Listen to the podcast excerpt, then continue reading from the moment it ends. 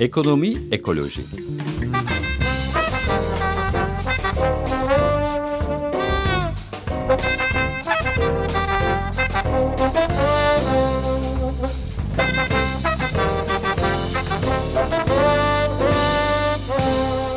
Hazırlayan ve sunanlar Pelin Cengiz ve Serkan Ocak. Herkese günaydın sevgili Açık Radyo dinleyicileri. Bir ekonomi ekoloji programından daha size e, sesleniyoruz. Ben Serkan Ocak.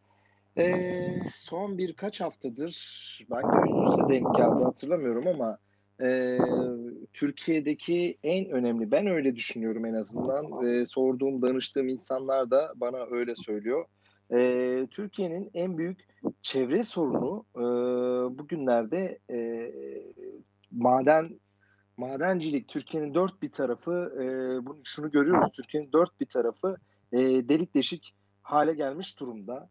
E, bu neden oluyor? Neden şimdi oluyor? Neden özellikle altın madenlerinde tüm e, uluslararası kuruluşların e, gözü neden Türkiye'nin üzerinde? Şimdi bu hafta bunu konuşacağız. Kimle konuşacağız? Tabii ki is, işin en ehli isimleriyle buluşturmaya çalışıyoruz siz değerli dinleyicilerimizi. Tema Vakfı'ndan Hülya Çeşmeci telefon attığımızda Çevre Politikaları Bölüm Başkan Yardımcısı. Hülya Hanım merhaba. Merhaba Serkan Bey, günaydın. Evet, günaydın, harika. Çok net de bir sesinizi duyuyorum. Pandemi süreci nedeniyle bazen zaman zaman teknik sorunlar yaşıyoruz. İnşallah yaşamayız. Bu hafta uzaktan bağlantılarımızda devam ediyoruz. Şimdi ben küçük bir giriş yaptım ama şöyle, e, Türkiye'nin bugün içinde bulunduğu durumda Türkiye'nin en büyük çevre sorununun madencilik olduğunu söyledim. Ee, öncelikle buna katılıyor musunuz? Bu benim son zamanlarda gördüğüm bir tespit ama buna katılıyor musunuz? Hemen kısa bir böyle bir soruyla başlayayım. Yani evet katılıyorum. Aslında e, çok genel birkaç şeyle bile bunu anlamak mümkün. Mesela Change.org'a girdiğinizde işte maden kampanyalarına girdiğinizde önünüze 20 sayfa açılıyor ve bunların çok büyük bir bölümü yakın dönemde açılan madenlere karşı olan kampanyalar ve Türkiye'nin her yerinden kampanya var. Yani e, yörelerdeki insanlar madenciliğe karşı mücadele ediyorlar. Bunlar için hı. kendilerini Change.org'da seslerini duyurmaya çalışıyorlar ve e, 20 sayfaya ulaşan, Türkiye'de işte Gümüşhane'den Artvin'e, Kaz Dağları'ndan, altın madenlerinden kömür madenlerine kadar e, çok geniş bir perspektife yayılan bir şey var. Madene karşı mücadele var e, ve bu da dediğim gibi yani Türkiye'nin her yerine yayılıyor. Bununla ilgili zaten e, hem kanun değişikliklerinin hem de ekonomi politiğin de aslında etkisi var. Bunlar üst üste geldiğinde aslında sizin de ilginizi çeken e, temanın da uzun zamandır üzerine çalıştığı o tablo ortaya çıkıyor ve e, tespitiniz doğru evet doğru haklısınız. Yani ben e, kaç yıl oldu? 20. yılıma yaklaşıyorum. İletişim fakültesinden beri gazetecilik yapıyorum ve sürekli çevre haberleriyle ilgileniyorum.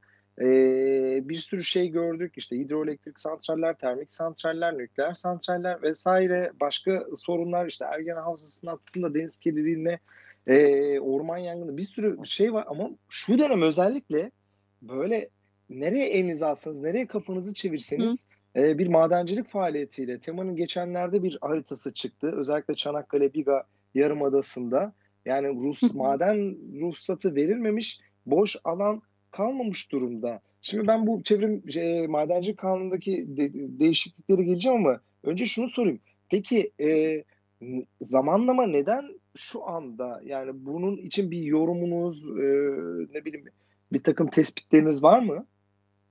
Yani aslında bunu maden kanunundan ayırmak çok mümkün değil.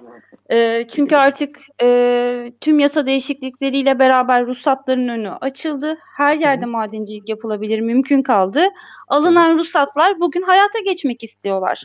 E, dolayısıyla aslında bir şey süreciydi. Ruhsatların verilmesi, ondan sonra gerekli projelerin hazırlanması, projelerle ilgili olan hukuksal mücadeleler ve bugün artık o mücadelelerin de e, neredeyse işte birçok anlamda e, bilir kişilerle, chat olumlu raporlarıyla beraber e, kesintiye uğraması ve bugün artık elimizde e, hayata geçmeyi bekleyen birçok maden projesi var. Yani şu mu oldu? E, bundan bir süre önce başladı, e, aramalar yapıldı. Şimdi işletmeye geçiliyor. İşte Evet. arada davalar açıldı. O davalar sonuçlandı.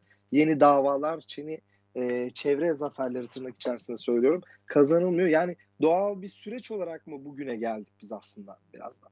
Evet öyle gözüküyor açıkçası tabloda. Yani e, kazanılan çevre mücadeleleri var ama günün sonunda e, ruhsat hakkı yani orada e, biz projenin olduğu alanlardaki ruhsatların şeyleri bitmediği için engelleyemedikleri için hukuksal mücadelenin kendisi oradaki ruhsatı iptal ettiremediği için kanuna dolayısıyla aynı ruhsat alanında defaeten defaeten aynı chatler e, aynı mücadeleler dönüyor ve günün sonunda bugün karşılaştığımız şeyde manzarada tam da sizin söylediğiniz gibi e, artık hayata geçen projelerle karşı karşıya kalıyoruz. Ee, geçenlerde mecliste görüşülen bir torba yasa vardı. Bunun içerisinde bir e, madencilikle ilgili yeni düzenlemeler de yapılmak isteniyor. Şimdi en, en sondan alalım isterseniz. E, o torba yasa e, da ma- mevcut madencilik kanununda ne gibi değişiklikler yapılmak isteniyor? Yani torba yasanın içinde dört maden madenlere ilişkin dört tane kanun var. Borçlar ve işte diğer düzenlemelerle beraber bizim için önemli olan iki tane madde var. Özellikle e, çevre, doğa, e, insan sağlığı, iş güvenliği perspektifinden baktığımızda iki madde yani üçüncü ve beşinci maddeler çok dikkatimizi çekiyor. Bu maddelerden bir tanesi ruhsatların uzatılması ile ilgili olan süreçler. Şöyle ki e, ruhsatınız e, bitmeye yakın bu tüm bu işleme temdit diyorsunuz. Ruhsatınız bitmeye yakın çeşitli kurumlara başvuruyorsunuz. Bunlar da, bunlarla da ilgili çeşitli denetimler ve izinleri almalısınız. Tüm bu izinleri alabilmek için de işte çeşitli denetimlere giriyorsunuz. Yeni düzenleme bize şunu söylüyor. Ee, işte maden şirketleri normalde ruhsatınızın bitiminden 6 ay öncesinde bu işleme başlıyorsunuz. 6 ay öncesinden bu işlemleri tamamlayamıyorlar. Dolayısıyla ruhsatlar duruyor. Ruhsatlar durulmasın, bakan durdurulmasın. Bakanlığın onayıyla e, bir yıl önce şeyden e, temdit öncesinde, uzatma öncesinden sonra bir yıl bakanlığın izniyle çalışmaya devam etsin. Bu şu demek. İzinleriniz, ilgili denetimleriniz tamamlanmadan bir yıl daha çalışma hakkına sahipsiniz demek. Oysa ki aslında biliyoruz işte hem e, iş güvenliği, hem e, orman izinleriyle ilgili, hem mülkiyet izinleri, mera izinleri, orman izinleriyle ilgili, hem e, madenin doğrudan faaliyetlerine yönelik süreçte mesela işte insan sağlığı ile ilgili birçok süreç aslında denetlenmeden tüm bu süreci e, durdu devam ettirmeyi teşvik eden bir düzenleme haline geliyor. Tüm bu şeyle düzenlemeyle maddenin kendisi. E, bizi en çok kaygılandıran maddelerden bir tanesi bu. Çünkü şunu da yapabilmek mümkün. Eğer e, iz, işte e, izin ve denetim süreçlerinizi tamamlayamıyorsanız 6 ay öncesinden başlatmazsınız ruhsatın e, bitiminden. Bir yıl öncesinden de başlatmak mümkün. E, bitmesi gereken, durdurması gereken bir ruhsata belki de bir Hı-hı. yıl daha hak tanımak aslında tüm bu ala şeyleri e, hukuksal olarak durdurulması gereken bir ruhsatın da önünü açmış olduğunu bize gösteriyor. Bir düzenleme daha var. O düzenlemeyle ilgili kaygımız şu. Yakın dönemde Sayıştay bir rapor açıklamıştı ve dedi ki orman alanlarında faaliyet gösteren madenlerin çok büyük bir bölümü aslında orman alanlarına giriyorlar. Yani izin alanına, ruhsat alanının dışına giriyor. Ee, Sayıştay'ın raporuna göre bugün orman alanlarında faaliyet gösteren madenlerin %72'si zaten kendi çalışma alanında ya da izin aldığı alanın dışına girmiş durumda. Ve bunun aslında çeşitli cezai şeyleri var, süreçleri var. Düzenleme yapan maddelerden bir tanesi ise bize şunu söylüyor, yeni bir tanımla beraber. Tüm bu şeylerde, ruhsat alanı dışında olan taşmalarda cezai ilgili cezai müeyyide kaldırılır. Ve bunlara da bir tanım veriyor kanunun kendisi öneriyle beraber. Bilerek ve istemeyerek. Yani kanunun kendisi bizzat niyet okuyor bu yeni öneriyle beraber. Ee, zaten sorumluluğu... Ya istemeden, istemeden o ormanlık alana e, ruhsat sahasının dışına çıktığını istemeden olduğunu öngörüyor peşinen. Aynen. Bir niyet, aynen bir niyet atfediyor. Aynı zamanda tüm bu ruhsat alanı dışına çıkmanın kendisindeki tüm o cezai süreçleri kaldırıyor. Bu e, hem bir niyet okumak hem de aynı zamanda bu alana girmenin teşviğini yapmak. Çünkü kanun bize şunu söylemiyor. 50 metre girersin, 100 metre girersin demiyor. Yani orada şey sınırsız bir hak var. Ne kadar gireceğini tahmin edemediğiniz bir hak var. Mevcut durumda cezai süreçlere rağmen zaten girilen bir durum var. Tüm bu cezai süreçler kaldığında Türkiye'nin ormanlarının, meralarının, yaşam alanlarının nasıl bir sürecin beklediğini şu anda öngöremiyoruz, tahmin edemiyoruz. Çünkü kanunun kendisi bizzat tüm bu süreci hem meşrulaştırmış hem de teşvik etmiş oluyor. Çok acayip gerçekten. Peki şimdi bu e, yeni kanunda e, istedikleri değişiklik talebi e, bu değişiklik talebi alt komisyonlarda meclis gündemine gelmedi. Evet. Alt komisyonlarda Henüz konuşulurken gelmedi. daha önce benzer şeyler olduğunda Tema Vakfı gibi e, kamu kurulu, e, sivil toplum örgütleri de e, bu alt komisyonlara çağrılır, görüşleri sorulurdu. E, geçenki Hı. toplantıda e, böyle bir şey temanın bir talebi oldu mu? Gittiniz mi? E, kabul edildiniz mi? Kabul edilmediniz mi? Çağrılmadınız mı? Ne oldu? Sanki böyle biraz daha e, gizli kapaklı yapılıyor bu işler gibime geliyor. Yani son düzenlemede alt komisyonda temanın e, tema e, komisyonun ilgili milletvekilleri tarafından ismi yazdırıldı. Hı hı. E, tüm bu şeye daha çok içeride temsil edenler sektörün temsilcileriydi. Hı hı. E, e, sektör dernekleri ve meslek odalarıydı. E, aslında ya gerçekten tüm bu süreçlerin bir de çevre ayağı var. Ve e, aslında tüm bu alt komisyonlarda ne kadar farklı perspektiften geniş bir tartışma alanı açarsak o kadar sağlıklı kanunlara ve şeylere ulaşabiliriz. E, Tema buraya ismini yazdırmıştı. E, fakat e, komisyon e, tüm bu süreçte e, çevre sivil toplum kuruluşlarının yazılı görüş vermesine e, izin verdi. Tema da bu komisyona yazılı görüş vererek e, şey yapabildi. Müdahil olabildi. Ama e, tabii ki isterdi ki katılmak ve e, tüm bu tartışmaları bir de çevre perspektifini biz e, yüz yüze ve sesli olarak şey yapabilelim. Geri bildirim Anladım. verebilelim. Radyosunu yeni açanlar için hemen hatırlatalım. Ne konuşuruz, kiminle konuşuruz? Ee, Türkiye'deki maden politikalarını konuşuyoruz. Tema Vakfı'ndan Hülya e, Çeşmeci ile kendisi e, uzmanlık alanı bunları çalışıyor. Peki e, Hülya nasıl bir gelecek öngörüyorsunuz? Yani ta- tahminler hal böyle olursa e, görüyoruz ki yani Sivas'tan Malatya'ya, Trabzon'dan Edirne her tarafta Antalya'da yani hem kıymetli madencilik işte dördüncü kategori denilen altın, gümüş vesaire hem de mermer ocakları, taş ocakları zaten e, yani sizin uzmanlığınız bu e, eminim yetişemiyorsunuz bunlara. Takibi çok zor. E, sadece bir şehirde onlarca maden alanı e, Sivas'ta siz bahsetmiştiniz zannedersem bir anda 20 tane madenle ilgili chat e, çıkıyor. Hangi birini incelenecek, hangisine dava açılacak, hangisi doğru e, yapılıyor, yapılmıyor, denetimleri yani e, bir kontrolsüzlük var. Kontrolsüzce gidiliyor. Zaten benim de genel yıllardır genelde izlediğim şey şu. HES'ler yapılırken de böyleydi. Yani bir şey başlanıyor ve hunharca yapılıyor. Koruma kullanma dengesi, sürdürülebilirlik. E, kimse demiyor ki maden çıkarılmasın. Madenciliğe hayır kategorik olarak hiçbir şey karşı değil. Temanın da böyle bir şey düşündüğünü zannetmiyorum. Ama e, hiçbir plan yapılmadan, genel değerlendirmeler işte şeyde konuşuyorduk, havza planlaması yapılmadan HES'lerde olduğu gibi e, böyle hunharca aman çıksın, bir an önce çıksın, en çok bizden çıksın, dünyanın en büyüğünü biz yapalım. Böyle fantastik bir dünyada yaşıyoruz. Siz ne görüyorsunuz peki yakın gelecekte? Ne nereye gidiyoruz? Böyle bu projelerin hepsi hayata geçerse e, nasıl bir Türkiye ile karşı karşıya kalacağız? Ee, yani bugün aslında HES'lerde canımızı yakan neyse ileride madencilik uygulamalarıyla da ilgili canımızı yakan şeyler onlar olacak. Tüm bu doğayla ilgili olan süreçler, insan sağlığıyla ilgili olan süreçler olacak. Şu konuda çok haklısınız. Son bir senede 2000 küsürden fazla maden alanında ihaleye çıkılmış ve bu ihalelere biraz daha yakından baktığımızda ruhsat alanlarının yan yana dip dibe olduğunu görüyoruz. Dolayısıyla Ve kocaman maden... kocaman alanlar yani neredeyse Türkiye'nin evet. tamamı. Yani özel mülklerin dışında. Ve bu, yok bunların içinde özel mülkiyet alanları da var. Çünkü orada da şöyle bir yaklaşım var. A, acele kamulaştırma olur. E, oradaki şey alınır. E, çünkü temel yaklaşımımız şöyle. Kamu yararını madencilik özelinde madencilikten yana okuyoruz ve anlıyoruz. Oysa ki üzerinde üretilen, toprağın üzerinde üretilen tüm o turizm değerini, tüm oradaki kültürel değeri ya da oradaki tüm tarımsal üretim değerini hiçe sayarak yaklaştığımız bir şey var, yaklaşım var. Sadece Kaz Dağları'ndan gidelim. Kaz Dağları'nın etrafındaki tarım alanlarından gidelim. Türkiye'nin önemli ihraç alanlarının üret, ürünlerinin, tarımsal ihraç ürünlerinin üretildiği alanlar bunlar.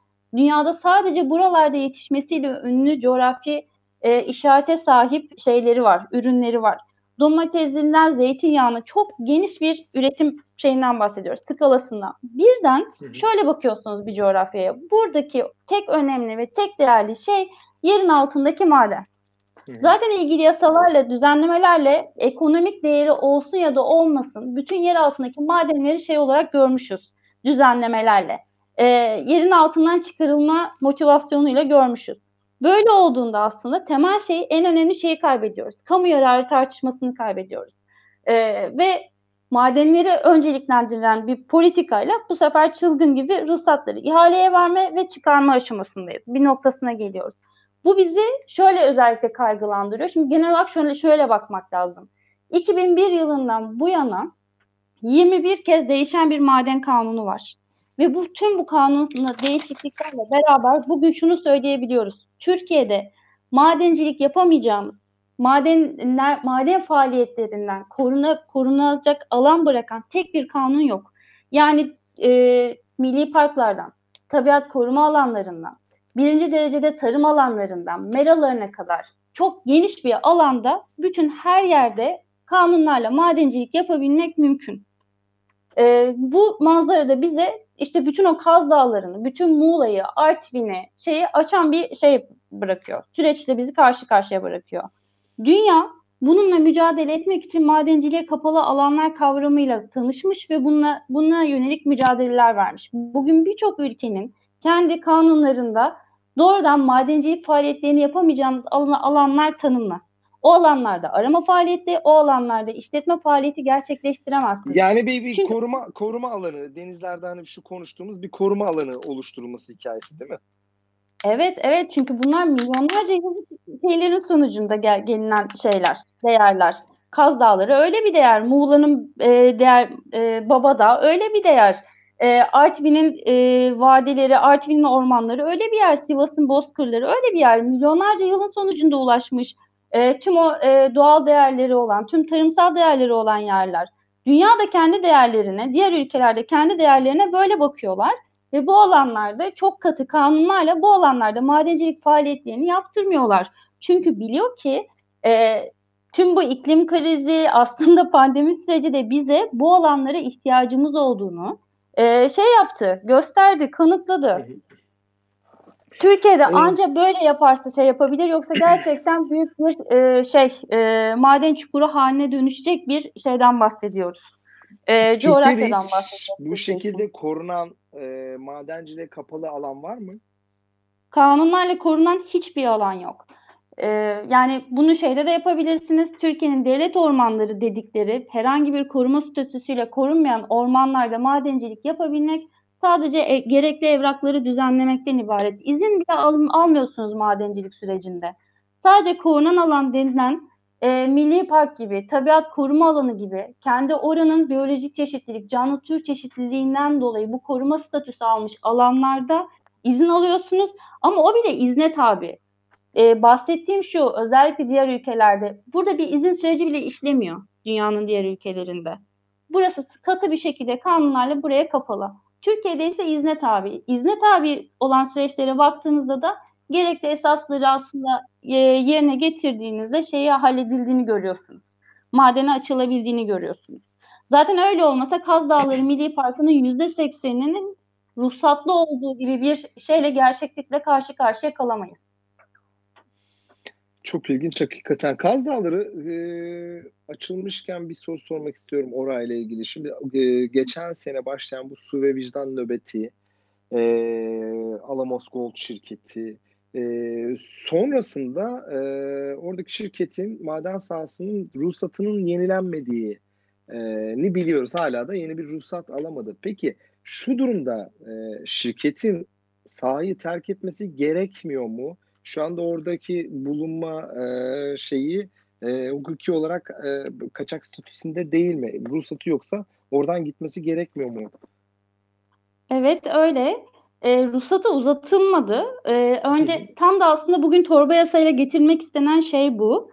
E, eğer mesela tüm o süreçte ruhsatı durdurul, durdurulmasaydı bugün aslında Kaz Dağları ile ilgili olan süreci bu şekilde bugün tartışamıyor olacaktık. Eğer mevcut haliyle bu torba yasa geçseydi, öyle bir yasanın içinde olsaydı Kaz Dağları hareketi, ruhsat durmayacak ve işte chat alanı e, chatte taahhüt ettiğinden daha fazla ağaç kesmesine rağmen bir şey ruhsat devam ediyor olacaktı. Bir yıl daha çalışma hakkı verecekti. Oysa ki bugün mevcut kanunlar bizi bir alandaki ruhsatın durdurulmasının önünü şey yapmış oldu, açmış oldu. E, mevcut düzenlemeye göre eğer bir alanda ruhsatınız uzatılmıyorsa belirli bir süreden sonra o ruhsat alanından çıkmak, orayı bırakmak ve o ruhsatın tekrar ihaleye düşmesi gerekiyor. Bugün ilgili şey e, Kirazlı projesi hala orada duruyor, devam ediyor. E, aslında biz Kirazlı'nın ruhsatında şu anda biz ihale sürecinde olan bir ruhsat olarak görmeliydik ve konuşmalıydık üzerine. E, kaldı ki orada e, nöbet tutan e, ekolojik hak savunucuları oradan zorla atılıyor jandarmayla. Jandarma oradaki e, şu anda kaçak durumda olan e, yani ruhsatı yok e, o şirketi e, koruyor. E, böyle bir tablo çıkıyor ortaya. Yani temel anayasal haklardan bir tanesi. E, sizler de bilirsiniz çevreyi korumak e, zaten bir vatandaşlık ödevi. E, biz tema olarak bu, bu perspektiften bakıyoruz. Buradan değerlen, değerlendiriyoruz. Dolayısıyla aslında çevre hareketleri ne kadar güçlü olursa, ne kadar çok e, tüm bu tartışmalara bir e, farklı perspektifler katılırsa o kadar sağlıklı tartışmalar yürütürüz. E, dolayısıyla hani bunları tüm bu demokratik e, hareketleri engellemek bizi tartış sağlıklı tartışmalar yapmaktan da uzak kılıyor. Ve tüm bu aslında sürede de yine şey veren, izin veren ilgili mevzuatların kendisi oluyor. Anayasanın 56. maddesi herkesin sağlıklı, temiz bir çevrede yaşam hakkı var. Ee, oradaki insanların da tek savunduğu şey aslında anayasanın kendilerine verdikleri hak ama e, kolluk güçleri, güçleriyle e, oradan zorla çıkartılıyor. Barakaları yıkılıyor, çadırları toplanıyor. Üstün üstü kamu davaları açılıyor.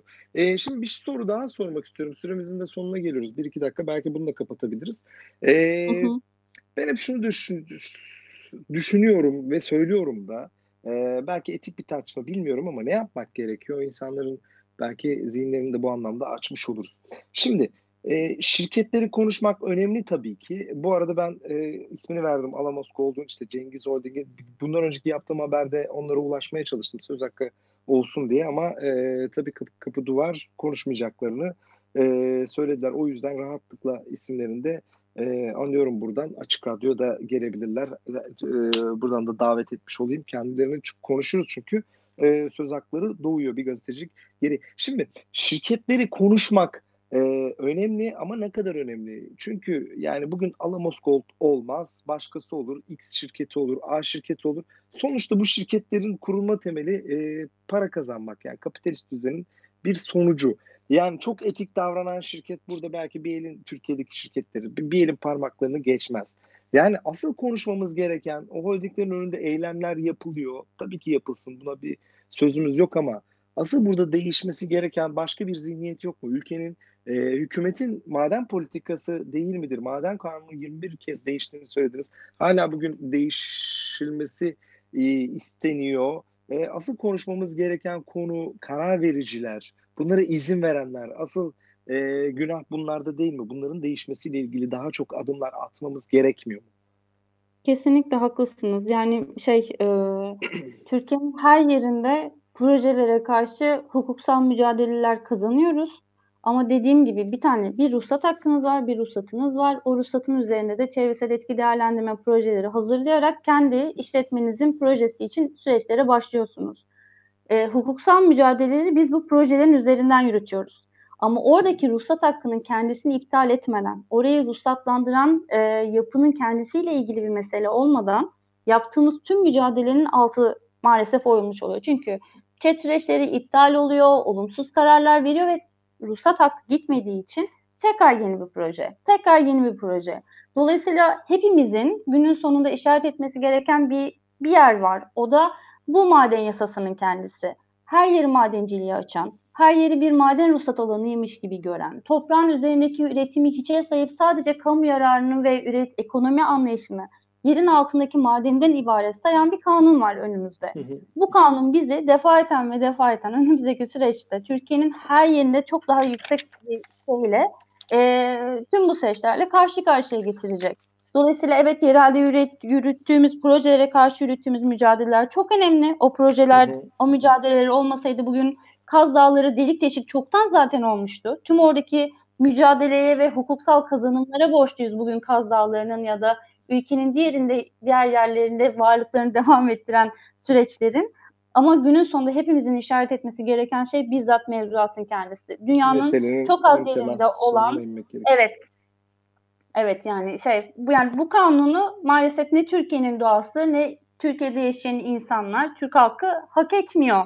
Dolayısıyla çok daha iyi bir şekilde üzerine tartışmalar yürütmek, madenciliğe kapalı alanlardan söz etmek e, gerekiyor ki e, daha şey e, gerçekçi kazanımlar elde edebilelim. Peki, e, süremizin sonuna geldik. Çok teşekkür ediyorum. Kiminle konuştuk? Hülya Çeşmeci, Tema Vakfı e, Çevre Politikaları Başkan Yardımcısı. E, Hülya Hanım çok teşekkürler. İyi ki varsınız. Tema Vakfı iyi ki var. Tema Vakfı'nın kuruluş amacı zaten bu. E, toprağı korumak, toprağın o üst tabakasını e, bizim en temel yaşam e, maddemiz belki de o, onu korumak. İyi ki değerli görüşlerinizle bizi aydınlattınız. Çok sağ olun yayınımıza katıldığınız için. Ben çok teşekkür ederim bu fırsatı tanıdığınız için. Hoşçakalın. Ee, Açık Radyo'da bu mikrofonda bu programda ısrarla e, Türkiye'nin bugün içinde bulunduğu ortamda en büyük çevre sorununu konuşmaya, konuklarımızla tartışmaya e, devam edeceğiz. Çünkü anayasamız bize şunu emrediyor. Herkesin 56. maddede lütfen e, açıp bakalım, okuyalım, ezberleyelim. Herkesin temiz ve sağlıklı bir çevrede yaşam hakkı var. Bizim de tek istediğimiz şey bu. Hiçbir şeye topyekun karşı değiliz. Madenciliğe, HES'lere öyle bir e, tavrı, tavır içerisinde de kategorik olarak değiliz. Ama e, doğru yapılsın, düzgün yapılsın. E, bu toprakları, bu ağacı, bu, bu canlılığı biz e, geçmişten devraldık. Geleceğe de bulduğumuz gibi vermemiz gerekiyor yok etmeden. Herkese e, hoşçakalın diyelim. Bu haftalık da bu kadar. Haftaya görüşünceye dek Allah'a ısmarladık.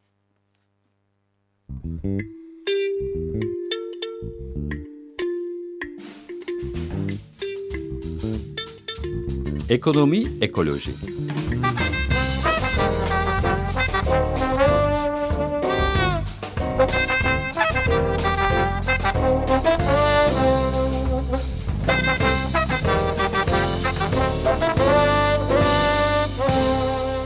Hazırlayan ve sunanlar Pelin Cengiz ve Serkan Ocak